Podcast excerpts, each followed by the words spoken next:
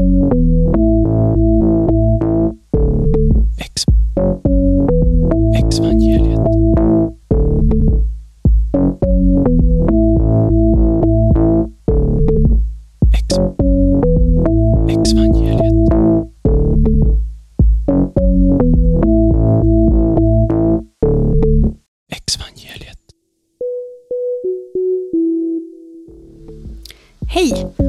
välkommen till det allra första avsnittet av Exvangeliet.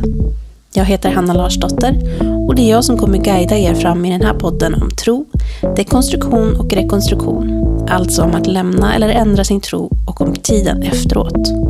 Exvangeliet riktar sig till tre olika grupper.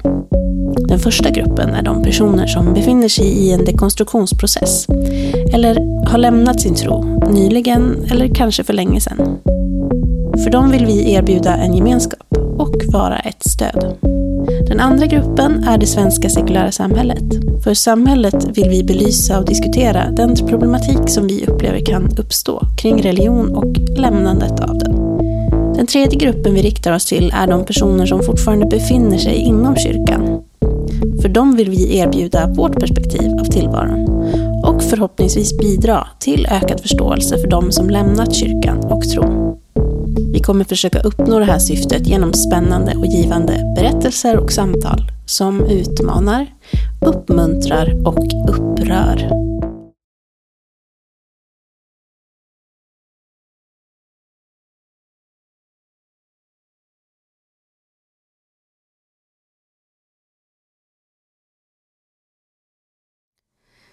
Vissa har liknat lämnandet av en religiös tro med en skilsmässa.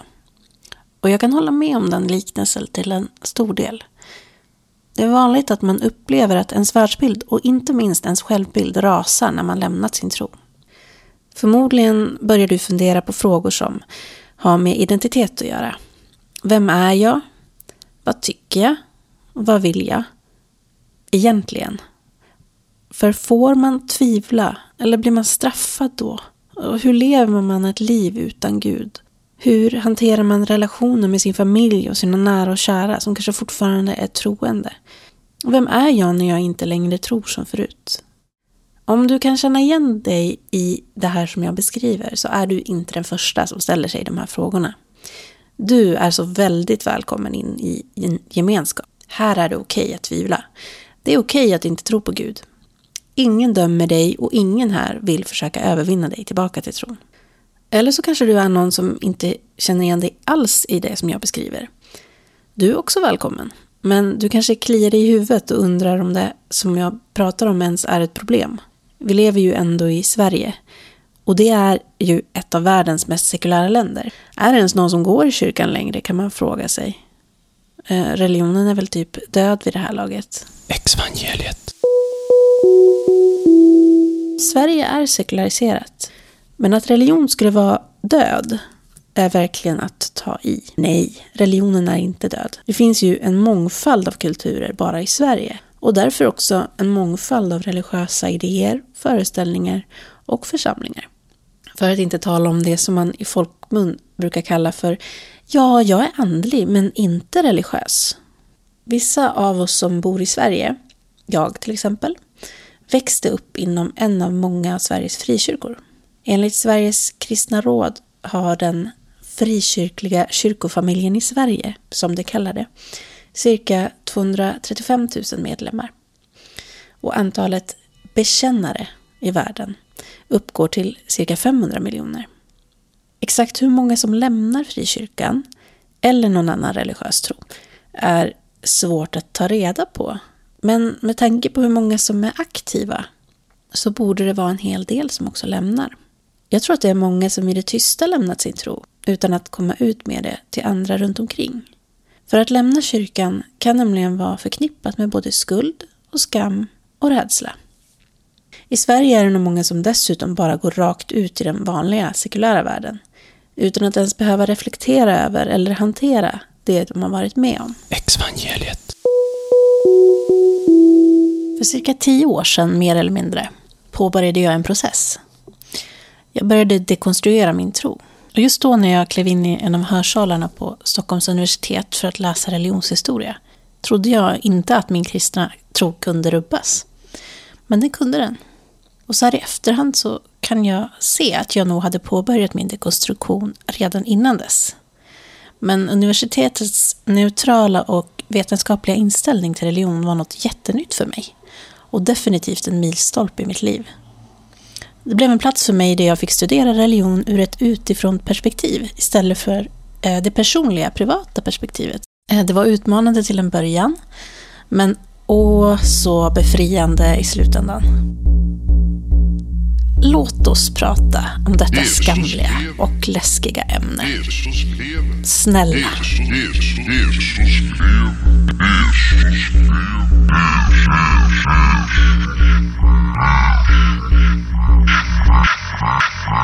En ganska vanlig dag i slutet av januari 2019 pratade jag i telefon med en av mina äldsta vänner.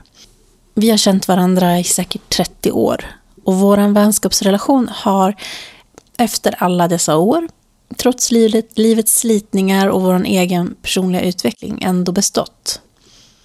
På senare tid hade jag själv provat mina vingar med att använda mig av religionskritik i min konst, som jag också hade lagt ut på Instagram.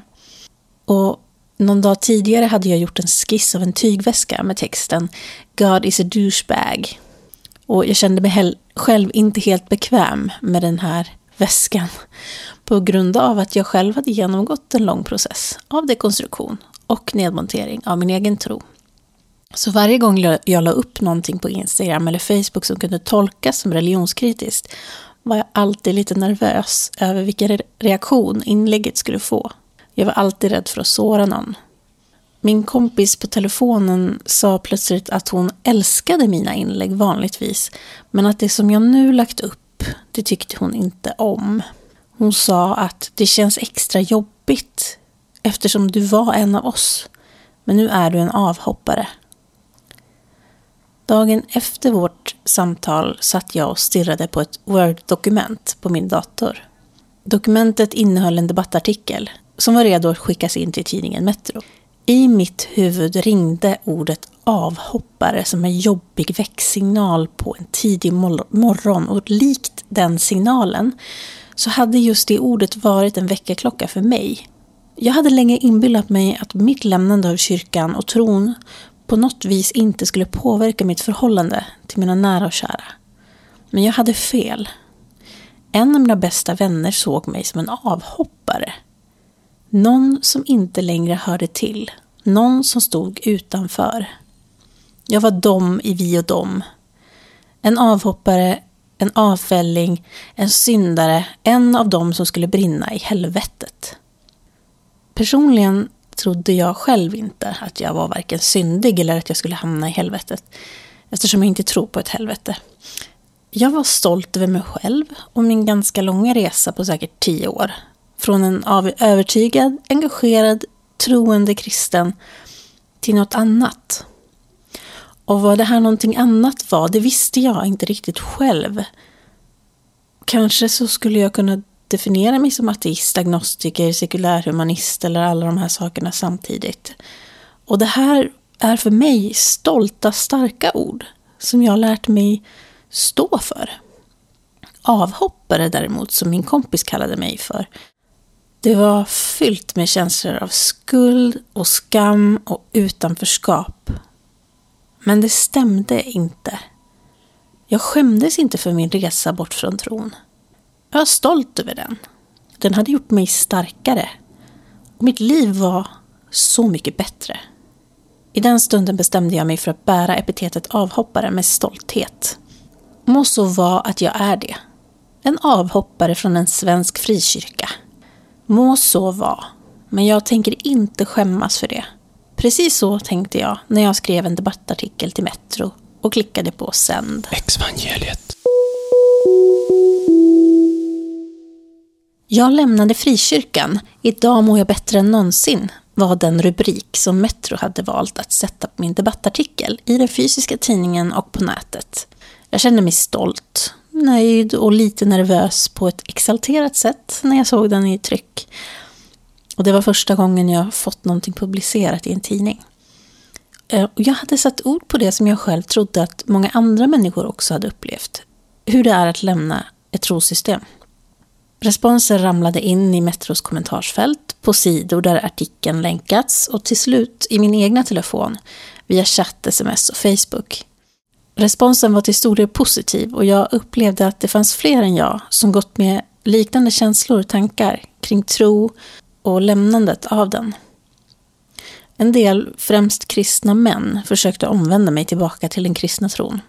Andra skrev egna debattartiklar med rubriker som “Jag lämnade ateismen, idag mår jag bättre än någonsin” och vissa trodde att jag var en antikristen journalist i förklädnad, som det stod i ett kommentarsfält.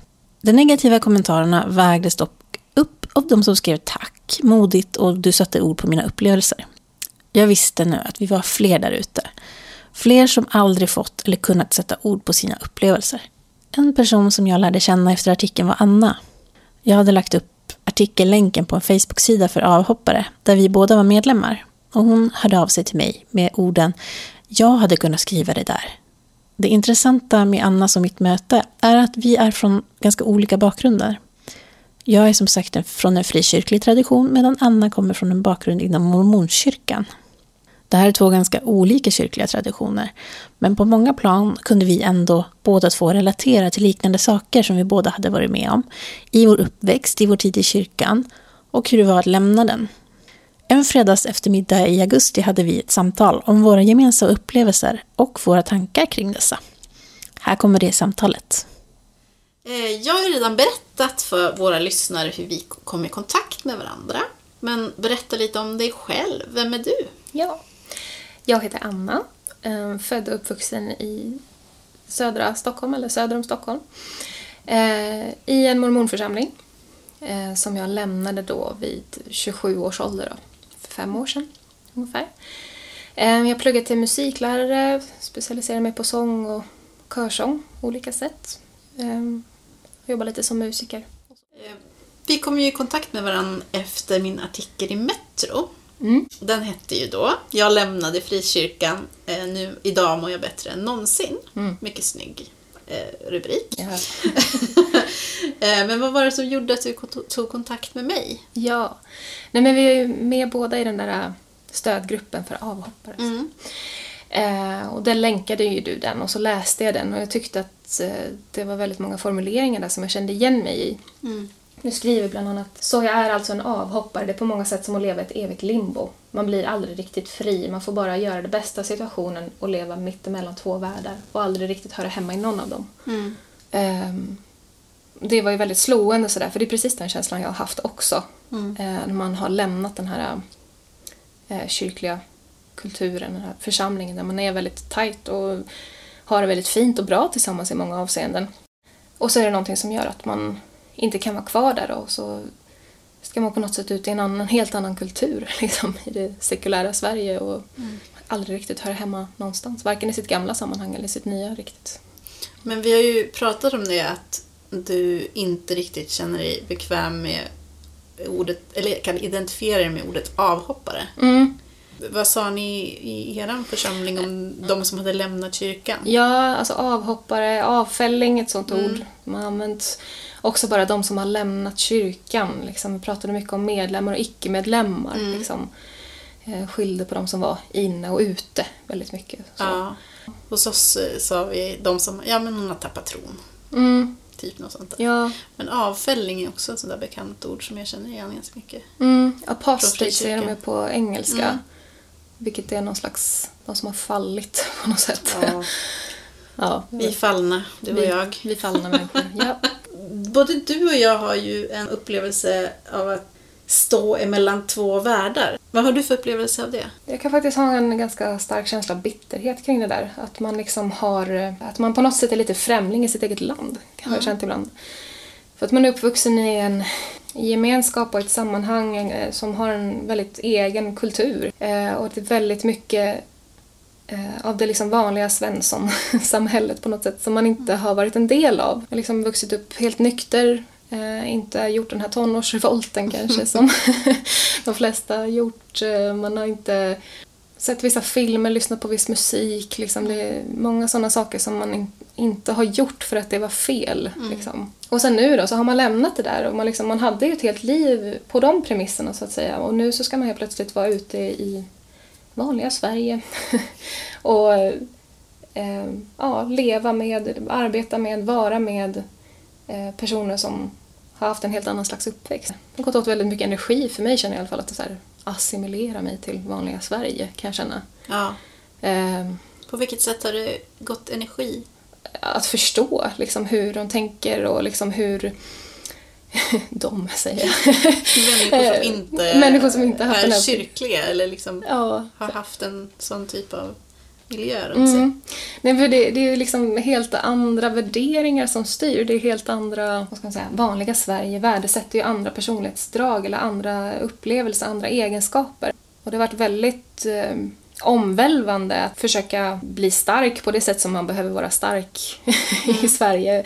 För att, liksom, att vara stark en stark medborgare i Sverige på något sätt. Det är inte samma sak som att vara en stark medlem i den här församlingen. Det är liksom helt andra egenskaper och helt andra saker som man värdesätter helt enkelt. Ja, jag vet inte om man kan formulera på något sätt. Exvangeliet.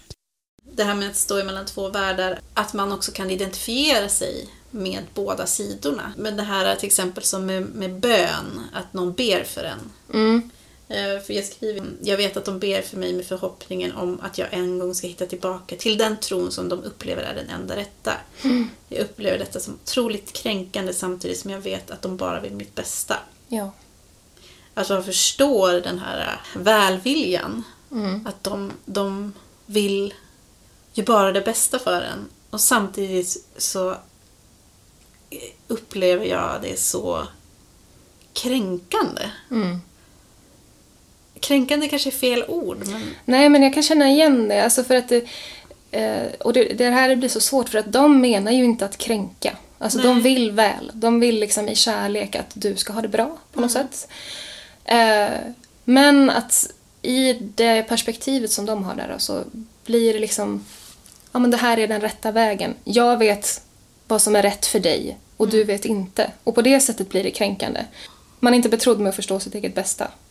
Eh, att man liksom behöver förstå någonting som de har förstått så att man kan hitta rätt här i livet. Liksom. Det, det blir kränkande även om de inte menar det. Och, det, och liksom när jag var i kyrkan så, så förstod jag ju inte det här Nej. heller. Utan jag trodde ju att jag var kärleksfull i att vilja människor eh, eller att vilja att människor skulle hitta Guds väg och så. Eh, och nu förstår jag ju liksom när man har tagit det här perspektivet att, att det är ganska förmäten. att, det, att det är ett lite förmätet sätt att se på, på livet. Liksom. Att jag har koll på, på jag vad som är älskar rätt. när du använder ordet förmätet. Ja. Vad... Väldigt ålderdomligt ord Ja. som jag inte använder. Nej, säkert från Bibeln någonstans. Men jag överlägset kanske. Överlägset att man liksom tror sig veta mer än någon annan. Ja. Liksom. Men du är ju inte längre medlem i Mormonskyrkan. Nej. Men hur gick det till? Varför lämnade du det sammanhanget? Mm. Och det är väl egentligen en lång historia så, men man kan säga lite kort. Så här, vi som har lämnat Mormonskyrkan brukar prata om the shelf crack.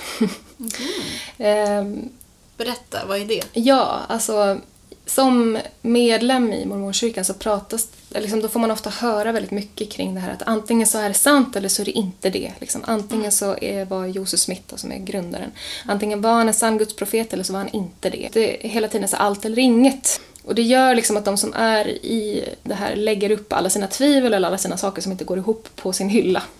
Eller som man sa, där jag kommer ifrån, liksom, att man skrev upp det på sin frågelista till Jesus. man skulle få svar på de här sakerna efter som, döden. eh, Liksom. En lista till jultomten ungefär? Nej, Nej. inte riktigt sant.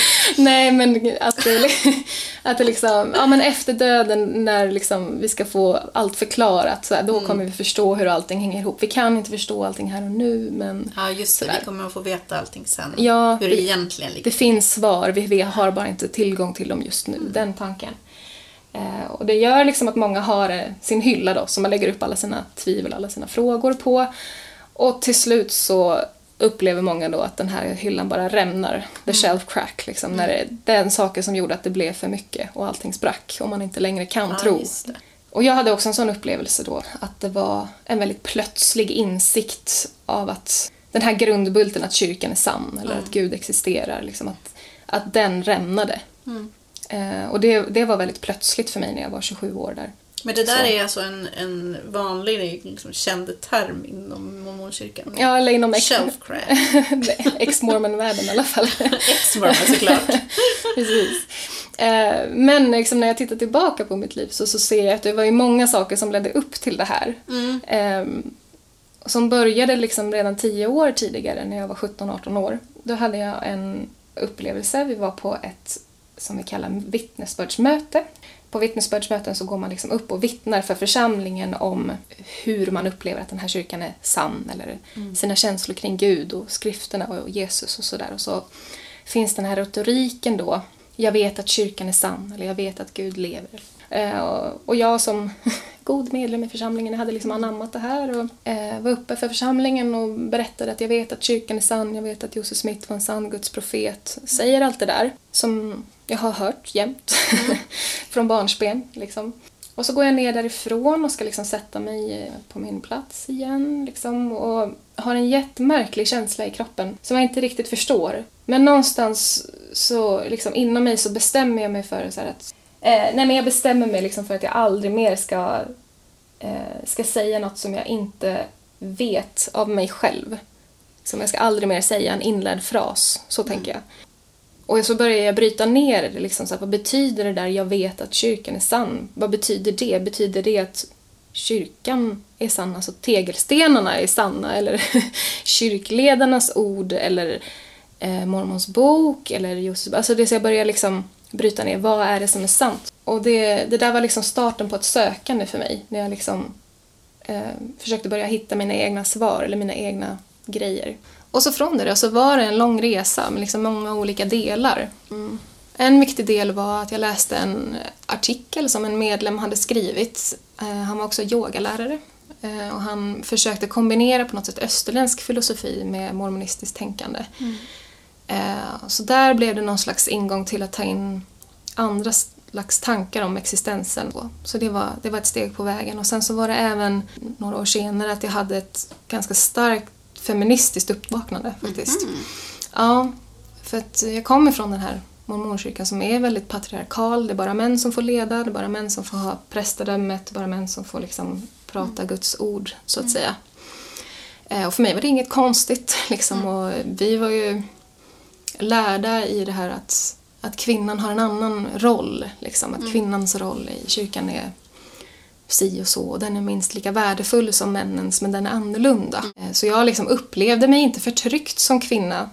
Men så här i efterhand så kan jag ju se att det var ju ganska mycket kvinnoförtryck. Ja, Liksom. men det var en naturlig del i att se på sig själv så inom Ja. kyrkan. Precis. Som kvinna. Mm. Men så... Ja, jag läste olika böcker, eh, bland annat Johanna Hildebrands eh, fantasyroman nästan, så här, om ett matriarkat och de har gudinnedyrkan. det var ganska... Det var bara ett tankeexperiment för mig där. Liksom, Okej, vilka värderingar är det som börjar... Vilka värderingar är det som finns då? Liksom? Eller vad är det man värdesätter för egenskaper då? Liksom? Ja, och sen så var det då att jag blev gravid. Tänkte ju självklart att det här skäms jag lite för att säga. Alltså. Men Berätta. Ja, jag, jag, jag önskade ju mig en son. Liksom, För att jag skulle ha en son som äldst i min barnaskara. Ja, Ja, alltså det, och det ja. var någon, alltså, berätta mer om det. Varför Ja, varför? Och det, jag, det vet jag inte riktigt. Men det var, liksom, det var väl någon slags grundläggande känsla av att män är bättre. Liksom. Ja. Och jag, jag skulle aldrig kunnat erkänna det som medlem i mormonkyrkan. Jag skulle aldrig kunnat se att det var så jag tänkte.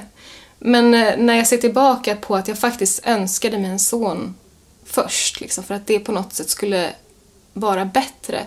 Det liksom säger ändå ganska mycket om hur jag såg på liksom min, min roll som kvinna och männens roll och sådär. Men tänkte du också att om du får en son så får han det bättre? Eller är det en alldeles för... Är det att dra det Ja. lite för långt i din Jag analys? vet inte. Jag vet inte. Jag, jag, vad jag, jag menar kan att, det, att det faktiskt är bättre att vara man? Ja, det var, det var på något sätt så. Mannen skulle liksom bara Mm. vara den starka och leda sina syskon. Jag vet inte. Det var, ja. Alltså, jag, jag skäms jättemycket över det här. Alltså, det, jag tycker Nej, inte men det är det. jätteintressant. Det är Ja. ju verkligen eh, en spännande sak att att analysera. Ja. Men vad tänkte du då sen när du väl fick ditt barn? Ja, nej, alltså vi var ju på ultraljud då. då. Ja, ja, ja det var så. Eh, I vecka 17 eller vad det då. Och så, och så var det ju då en flicka, såg Ja. de. Och du vet det, det ögonblicket när de säger att det var en flicka.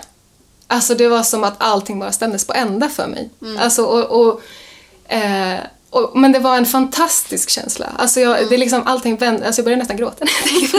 För att det var liksom, det var det är självklart att vi ska ha en tjej. Det är självklart att det inte är sämre på något sätt.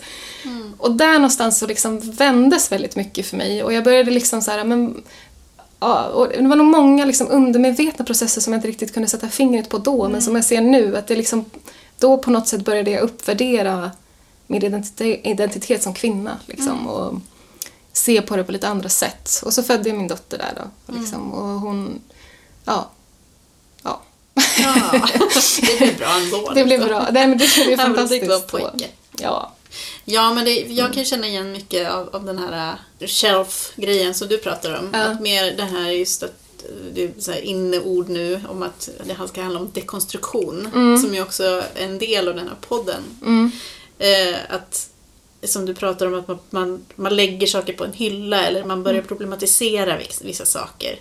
Speciellt inom frikyrkan, eller vanliga frikyrkan då, eller vad man ska säga. Det finns ju många delar, men där är det man vill nog på ett annat sätt än mormonerna kanske vara en del av samhället. Vilket innebär att man kanske hamnar i en situation där man måste börja problematisera hur man ser eh, på frågor som homosexualitet eller feminism och så vidare. Och ju mer man börjar problematisera de här sakerna desto mer troligt är det att man till slut faktiskt också lämnar tron. Sen behöver det ju inte leda fram till det. En del hittar ju liksom en, en plats där de kan vara både feminister och kristna. Eller man kan tycka att det får vara okej att homosexuella får gifta sig. Egentligen så kan det där vara en super, superkänslig fråga för många. Men, men jag kan känna igen det där lite grann, alltså det med att feministiska uppvaknandet, liksom, att man börjar ta mer plats, vilket leder, ledde till lite problematik. Man började liksom säga vad man tyckte i vissa saker som gällde feminism. Jag märkte att det fick motstånd på olika sätt. Och jag tror inte att det där är någonting som människor går och tänker på. För det finns ändå en tanke inom där jag var, att ja, men kvinnor är Kvinnor är lika bra som män och alla ska få ha sin plats och sådär. Men när man väl börjar problematisera saker så märker man att det inte är så. Mm. Att det finns skillnader som ligger liksom under ytan. Ja. Ja, alltså just det där, det blir, det blir en sån kulturkrock känner jag, liksom, i mormonkyrkan i alla fall, som kommer från den här amerikanska kristna högen, liksom, den traditionen. Eh, och så har man ryckt ut det och liksom satt det här i otroligt feministiska, sekulära Sverige. Eh, och så är det liksom svenskar som på något sätt ska stå upp för de här värderingarna. det blir en väldig kontrast, en väldig krock där och liksom det är så här, ja men självklart är män och kvinnor lika mycket värda. Eh, men de, är, de har olika roller, då, så blir förklaringen då. Liksom. De, Ja. Ehm, Kvinnorna ska vara mödrar och föda barn. Liksom. Och det är minst lika fint som att leda i kyrkan, om inte ännu finare. Och så ska man liksom på något sätt uppvärdera, eller ja, man ska på något sätt vara måna om att de där rollerna ska värderas lika mycket. Istället för att... Bara låta människor välja precis vad de vill göra själva. Ja, precis. Exvangeliet. Vad har vi för andra gemensamma upplevelser? För Vi har pratat tidigare om det här med att ens värld har blivit så annorlunda Ja. i och med att eh, man lämnat kyrkan och tron. Mm. Eftersom hela ens liv påverkas ju av det här nya som man går in i. När hela ens liv är helt marinerat i tron. Allt man gör, allt man tänker, allt man tycker. Och så helt plötsligt så måste man bygga upp sig själv på nytt. Ja. Både sig själv och eh, sin världsbild. Sin självbild och sin världsbild. Ja. Kan du känna igen dig i det? Verkligen. Alltså, jag hade ju en grundpelare förut att det fanns en gud. Liksom. Och u- därifrån utgick allt. Hur jag såg på världen, hur jag såg på andra människor, hur jag såg på mig själv, vilka värderingar jag hade i mitt liv, vad jag strävade efter. Och hade den här bilden av att jordelivet är en kort grej i min existens där jag ska liksom prövas för evigheten och så ska jag komma till himlen sen då. Liksom, det fanns en himmel hela tiden som jag skulle till. Eh, ett tillstånd där allt skulle bli underbart och perfekt och vi skulle vara tillsammans i någon slags eternal bliss. Liksom. Det, det gick ju jag runt och väntade på och liksom Ja. levde för. Och sen så, så sprack den bilden då. Min shelf cracked. Men vad liksom, ledde det till då? Alltså, vad har du för tro idag? Har du någon tro på Gud? Eller Mm. eh, är den borta? Ja, alltså i början när jag precis var liksom ny ute ur kyrkan då försökte jag på något sätt omkonstruera min tro. Jag började, jag utforskade lite det här med olika nyandliga rörelser faktiskt. Jag funderade på liksom olika slags gudar eller olika slags bilder av Gud och ja, höll på så. Hade liksom någon slags andlighet med mig ett tag. Men sen har jag även evolverat därifrån och nu har jag, jag vet inte om jag, man någonsin landar kanske, men just nu är jag i en ateistisk världsbild. Liksom. Vill ha vetenskap Ja, och, och så precis. i mitt resonemang Ja. och liksom känner att jag förnekar ingenting av de andliga upplevelser jag har Mm. haft. Jag har haft liksom upplevelser av Gud och andlighet och så som medlem i kyrkan där men att jag förklarar det nu som psykologiska fenomen som man absolut kan kalla Gud om man vill. Liksom, jag hade haft upplevelser av att Gud lyssnar på mig eller svarar mig Mm. och sådär och det Eh, sådana fenomen och sådana upplevelser kan man ha. Men det, det behöver ändå inte betyda att det fanns en gud där bakom. Mm. Förstår du? Ja, absolut. Eh, utan nu ser jag liksom mer så att det är vi människor som skapar de här upplevelserna. Mm. Och där kan det finnas liksom en skam eh, från kristet håll. Liksom, att så här, men hur kan du tro att det bara är det här som du ser? Och, så här. och jag vill vända på det och snarare säga så här, men hur kan du säga att det bara är bara? alltså om vi människor kan skapa alla de här upplevelserna, om vi kan skapa den här världen som gör, om vi kan liksom göra allt det här vi kan. Hur är det bara? Liksom? Det är ju så otroligt mycket och vi förstår ju bara en bråkdel av allt i den här existensen. Det är ju fantastiskt liksom hur vi får utforska och uppleva och komma fram till... Ja, Ja, jag kan ju känna att, att världen och möjligheterna har blivit så mycket större. Ja. För att eh, om man nu kallar sig för ateist, eller, det innebär ju egentligen bara att man inte accepterar den här tron på en gud. Mm. Sen så, jag kallar mig själv mer för kanske så agnostisk ateist. Då, för Mm. att jag accepterar inte den här tron på en gud, eller flera. Men jag vet, jag vet ju inte heller. Jag kan ju inte säga att jag vet om det finns en gud eller Mm. inte. Så att jag, jag vet inte helt enkelt. Och jag tycker det är så stort att kunna säga att man inte vet. Mm. Att kunna få släppa det här med liksom, så här är det och så här, det här finns och det här ska vi tro på. Ja. Så att man kan få vara lite ödmjuk inför det. Liksom att, men jag vet faktiskt inte. Nej.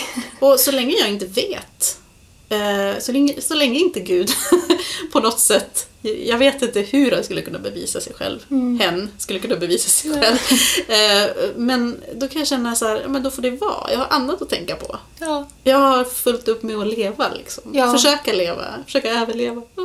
ja, verkligen. Jo, men en sak som jag, som jag har känt är den stora skillnaden är liksom att nu lever jag eh, för mig här och nu och för mitt liv. Jag lever inte för ett liv bortom döden. Liksom att jag måste förbereda mig och jag måste liksom offra saker här i jordlivet för att få ett bättre liv efter döden. Det där var ju väldigt liksom hämmande, tyckte jag. Eh, att jag liksom inte fick känna på vissa sätt eller inte fick leva ut vissa saker eller inte fick eh, inte vara fri att utforska livet utifrån mig själv utan jag skulle hela tiden ha det här i åtanke att jag skulle leva så bra som möjligt för att få en så bra efterjordisk tillvaro som möjligt.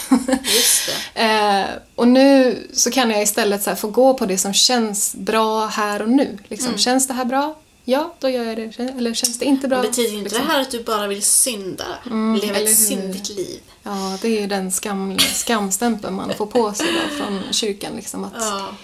Man litar till kötslig arm, står det väl i Bibeln. Oj, det visste Ja, att man, eh, att man liksom förlitar sig på sina mänskliga känslor i köttet här och nu och att det är skamligt att göra det. Men jag vill säga, alltså det är ju fantastiskt, alltså den här kroppen, den här varelsen vi är som vi går runt i, det är ju ett fantastiskt instrument för att uppleva det här livet. Liksom ska jag inte lita på den? Mm. Är det fel på den? jag vill Men- inte tro det. Men jag tänker också det här, den här att man kan känna sig syndig och skamlig. Mm. Inte kanske nu, för nu har jag kommit eh, ganska långt ifrån det. Mm. Men nej, man kan ändå känna det fortfarande. Den här synen på hur andra ser på mig. Hur de inom kyrkan ser på mig. Mm. Att jag kan, jag kan känna den. Eh, eller så är det bara inom mig själv. Den här liksom, jag är inte längre med, jag är utanför, alltså är jag syndig och jag kommer hamna i helvetet. Det är ju jättejobbigt. Jag tycker det är en hemsk känsla Mm. att tänka att de, att vissa människor som säger sig älska mig Mm. samtidigt tror att det finns ett helvete Mm. som jag då kommer att hamna i eftersom jag inte tror på Jesus. Ja. Jo. Ja, det är ju bara så det är. Jag vet ju själv det, för jag har ju själv trott Mm. Att människor som inte tagit emot Jesus kommer till helvetet. Mm. Det är Verkligen. jag blir lite sorgsen när jag tänker på det. Ja, det- Samtidigt så, för, så vet jag, jag vet som sagt att det har ingenting att göra med att man vill någon illa. Men alltså det, jag förstår inte riktigt varför, vad har Gud ens för, vad har han för anledning att Mm. vilja liksom skicka folk till helvete? Jag fattar inte hela den logiken liksom. Nej, nej, jag är Och ganska varför kass vill man i syn- tro på en gud som vill liksom bränna folk? För att de inte har tagit emot honom. Jag, jag tycker det är en obehaglig gud. Ja, nej men det, det är ju någon slags eh, eh, arv från det här auktoritära samhället när det liksom fanns en ledare som man skulle lyda. Liksom, det är ju den, det idealet av en ledare som man liksom har satt på Gud på något sätt. Att Gud vill att vi ska lyda och gör vi inte det så kommer ett straff. Liksom. Eh, Det är en ganska förlegad syn, tycker jag. ja, Alltså, jag tycker det också. I det här demokratiska landet som vi bor i istället där liksom alla har rätt till en åsikt och alla har rätt till att själv fatta sina egna beslut och att alla är betrodda med att veta vad som är bäst för dem. Liksom, i, det, I den synen så blir det väldigt främmande med en gud som utdelar straff. Ja, men samtidigt så om jag tar på mig min kyrkliga mössa, Ja. min frikyrkliga mössa, så, så skulle jag ju vända det och säga att ja men Gud älskar ju dig och han erbjuder ju dig att bli räddad, inte att bli bränd. liksom. Eftersom, jag, eftersom du är ju fallen och du behöver ju räddas av Jesus Ja. för att kunna komma nära Gud och därför så är han god. Alltså, Ja. det är där liksom, för mig idag är ju det en jättekonstig tanke. Mm. Att bara säga att Bibelns Gud är kärlek köper inte jag Mm. riktigt. Nej. Kan jag säga. Och, och, men jag kan förstå att man kan vända det åt det hållet. Mm. Det kan jag förstå, för det har jag själv gjort. Ja, ja, ja. Det finns ju Så- absolut logiska resonemangsmönster i, i det där. Ja. Eh, och man kan komma runt allt möjligt, eh, även i den så att säga, verklighetsförklaringen. Men, men just det där hela... det tycker jag är ett- problem med kristenheten, att det är så här, att vi är, som du säger, vi är fallna eh, och så ska vi räddas liksom, av de som predikar att vi är fallna. Mm. Alltså det finns en väldig manipulationsverktyg där, känner jag. Mm. Som de inte menar förstås. Alltså för liksom, jag upplever från kristna människor att de ofta är väldigt genuina och kärleksfulla och vill så väl liksom, för de här människorna. Liksom. Eh, och man är ute och missionerar och liksom vill sprida det glada budskapet. Liksom. Men samtidigt så är det så här att du predikar en syn på att människorna är fallna och måste komma till den här guden som du tror på för att bli räddad. Mm. Ja, men det är ju lite så att man skapar ett problem som egentligen inte finns. Man kommer och säger... Man kan känna sig helt så här, ja men man känner sig som en vanlig bra människa. Så kommer någon och säger, nej men du är inte bra, du är fallen, du är syndig och du behöver det här för att bli bra. Ja. Jaha, ja men det visste inte jag, men Ja. vad bra att du berättade det för mig. Det blir lite så här, äh, skapar ett problem som inte finns. För att på något sätt lindra sin ångest, eller jag vet inte vad det är. Man vill hitta en förklaring kanske på varför världen ser ut som den gör. Mm. Eh, Att få någon slags frälsning från att vara människa. Jag vet inte. ja. Hum. Mm. ja, eller liksom i, i sekteristiska rörelser så ligger det ofta en ideologi i grunden när de liksom vill göra det bättre på något sätt. De har hittat någonting som gör att om vi gör så här så blir det bättre. Någonting, vad det nu kan vara. Eh, liksom det, om det är att förklara Gud på ett särskilt sätt eller att leva på ett speciellt sätt. Eller liksom det finns ju sekter som eh, på olika sätt avsäger sig olika delar av den samhälleliga gemenskapen för att de inte tror på det. De har hittat ett bättre sätt att leva. Ja, men det där Ja. kan ju också göra, för det kan jag känna just det där att man, även inom de rörelserna vi har varit med i har det ju funnits sådana mallar för eh, det här är det bästa sättet att leva på. Ja. Eh, där det kan ingå, man ska vänta med sex innan man gifter sig, nykterhet, eh, man måste vara med i en församling, man ska akta sig för att inte vara med i en församling för då kan det gå ut för. Mm. Och så alla de här religiösa grejerna som bön, regelbundet kyrkobesök eller som vi hade fasta en gång i månaden. Ja, Alla sådana där saker, alla de religiösa Ja. riterna man gör. Ja, precis. Som gör liksom att, och jag tänker att alla de här, kan jag uppleva i alla fall, har gjort att man har levt ett liv ehm, som inte alltid har varit så som man själv kanske hade valt nu i efterhand. Nej. Speciellt när man är ung så, och man är lite sådär duktig flicka, så vill man ju också leva upp till de här sakerna. Och man tror ju liksom att, ja men, ska jag leva med någon då måste jag vara gift med den personen till exempel. Massa sådana där saker som, som leder till att, jag tror inte man alltid vet vad man själv fattar för beslut. Nej. Nej, Eh. det har ju varit verkligen min upplevelse. Alltså, för jag, jag var så helylle. jag jag var med. så helylle Jag med. mormon. Jag gjorde allt rätt. Ja, men vi var lyd- duktiga flickor. du och jag. Ja, jag lydde alla buden. Alltså på riktigt, jag lydde alla Ja, buden. Ja, ja, jag gjorde det också, utåt sett i alla fall. Ja, okej. Nej, jag var väldigt genuin sådär. Väldigt fin. Eh, och, och trodde verkligen på det här, liksom, att jag, så här, ah, nej, men jag, jag har fått med mig sanningen. Liksom, och jag, jag vet hur jag ska leva för att bli lycklig. Och liksom, i allt det där så fattade jag massa beslut eh, i, liksom, i början av mitt vuxna liv. Liksom byggde upp ett fantastiskt eh, mormonliv enligt eh, konstens alla regler liksom, för hur ett lyckligt och framgångsrikt liv ska vara. Och sen när jag stod där liksom, och hade tagit alla de här besluten så insåg jag att det här är ju inte ett liv som jag blir lycklig av. Det var... Fast de hade sagt, alla hade sagt att det var Fast- så, ja. det som skulle göra dig lycklig. Ja, och det där, ja, alltså det är en stor källa till bitterhet faktiskt nu. Att det är så här, äh, jag, jag kände ju att jag blev liksom manipulerad och lurad till saker som inte var grundade i mig, utan de var grundade i liksom någon annans uppfattning om vad som är bäst. Liksom, att det var någon annan hela tiden som visste vad som var bäst för mig. Att jag var inte betrodd med mina egna beslut. Liksom. Jag var inte betrodd med att eh, känna vad som var rätt och bra för mig. Ja, så när jag hade min den där shelf crack då, eller vad man ska säga, så var det som att det bara slog mig i ansiktet allt på en och samma gång. Och liksom jag insåg att jag behövde backa otroligt många steg. Liksom, och, eh, med det här så eh, kom liksom ett uppbrytande av egentligen hela mitt gamla liv faktiskt. Ehm, I en stor kris. Och jag behövde liksom skapa om mitt liv från grunden. Och just som du säger där, att inse så här, vad är det jag känner? Jo, jag har blivit lärd liksom att, att jag ska känna så här om vissa saker men om jag tar in alla perspektiv som jag har tillgång till, liksom olika problematiseringar av det där problemet, så, så känner jag ju något helt annat. Liksom. Så det har varit en lång resa och jag håller egentligen fortfarande på. med Ja, men det är ju det som, som det är. Att, att jag tror att det, det är ju det som är det häftiga också. Att man, det är ju en lång resa och man inser ju nya saker hela tiden. Mm. Och alla de här svaren som man fick serverade till sig. Jaha, det var inte, det var inte så. Det behövde inte vara så. Utan man får lära sig hela tiden Mm. och ställa nya frågor och liksom, ja, men upptäcka snarare än att bara lyda och eh, följa vissa regler och råd. Mm.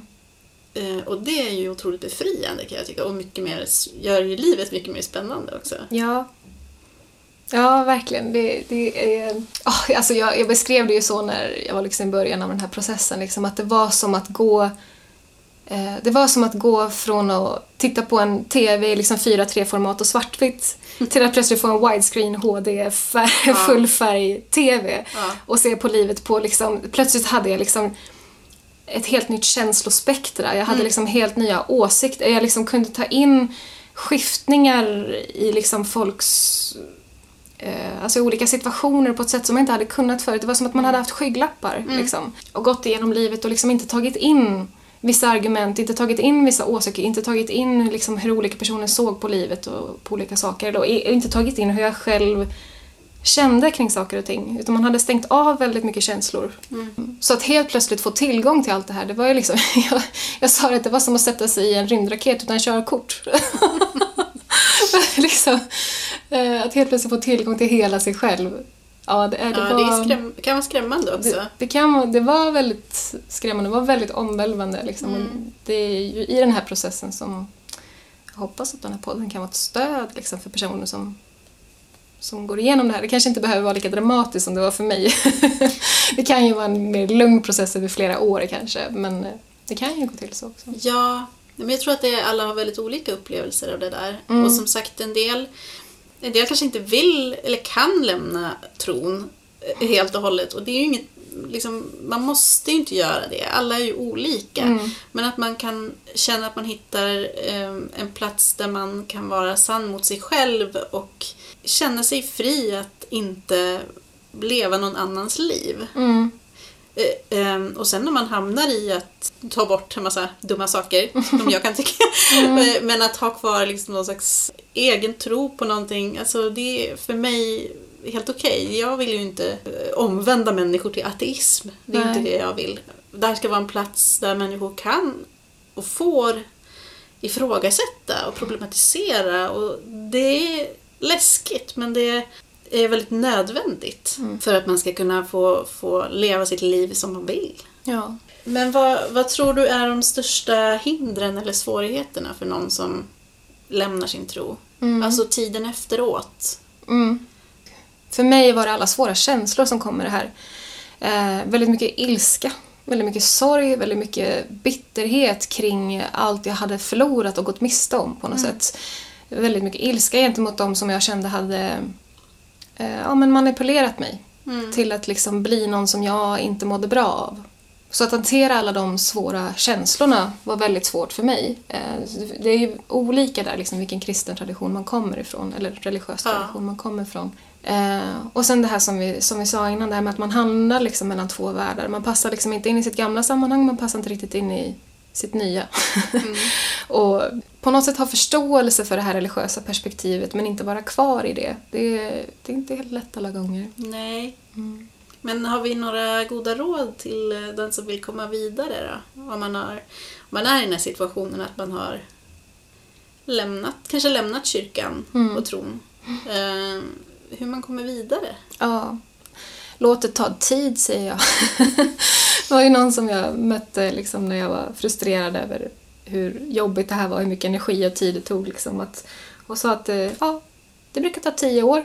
Ja, hon. ja det känner jag igen mig i. Jag är Ja. tio år gammal. Ja. och jag är fem år gammal. du är fem år gammal. Nej men alltså låt det ta tid och också det här äh, du är tillåten att känna det du känner. Mm. Alltså om du är fruktansvärt arg, det är okej. liksom. Eller om du tvivlar och inte förstår någonting, det är också okej. liksom. Det är...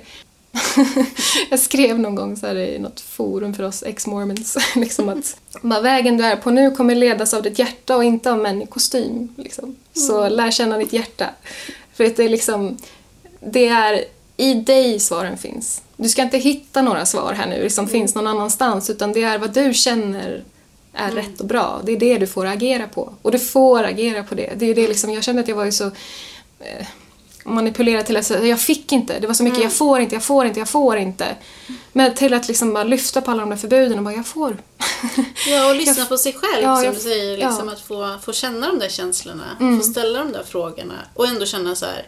Det är okej om jag inte får svar. Eller liksom, Ja. det är okej att inte få tydliga svar. Det får, liksom, det får komma med tiden. Ja. Och också att, försöka hitta människor som man kan prata med. Mm. Den här podden kan man lyssna på till Ja. exempel. Ja, men jag hade väldigt stort utbyte av att, av att träffa just andra avhoppare och Ja. även avhoppare som hade eh, varit ute lite längre än vad jag hade, som hade liksom gjort den här resan. Mm. Eh, det hade jag väldigt stor behållning av. Och just för att alltså det, när man är i, i den kyrkliga gemenskapen så att säga så är det ju så, alltså man skammar ju de som har lämnat så mycket. Ja. Så mycket skam på dem. De lämnar bara för att de vill synda. De, eh, de är fallna på olika sätt. Eller de är utanför. Och liksom, Jag kunde uppleva att, alla från, i alla fall från där jag var, liksom, så blev de bara tystade. De bara försvann. Liksom, de bara var borta, man hörde inte ifrån dem mera. Eh, så när jag kom ut och liksom fick kontakt med de här som hade lämnat, liksom mina gamla bekantskaper från församlingen som hade lämnat kanske fem, tio år tidigare. Och började prata med dem och hur, liksom, hur jordade de var liksom, och hur de välkomnade mig så mycket och hur glada de var för min skull. Och, liksom att jag, och vi träffades, vi hade träffar tillsammans och vi diskuterade och pratade om olika saker. Liksom, det var en väldigt ehm, viktig del, liksom, att känna att, att den gemenskapen fanns. Liksom. Mm, man är inte ensam. Man Man, är tror inte att man är ensam. Men det är man inte. Nej. Vi måste finnas till för varandra. Ja. Verkligen. Exvangeliet. Både före och efter artikeln lyssnade jag mycket på amerikanska podcasts som berörde de här ämnena. Jag lyssnade bland annat på Life After God. Eh, Det är en podcast som växte fram efter dåvarande pastor Ryan Bells projekt Year Without God. Han levde utan Gud ett år. Och hans år slutade med att han kallade sig själv för ateist. Han skriver själv på sin hemsida att hans huvudsakliga frågeställning inte handlade om Finns det en gud? Utan snarare Om det inte finns en gud, now what? Han ville med sin podd hjälpa människor att hitta ett sätt att leva i det tom tomrum som ofta kan uppstå när man har lämnat ett trossystem.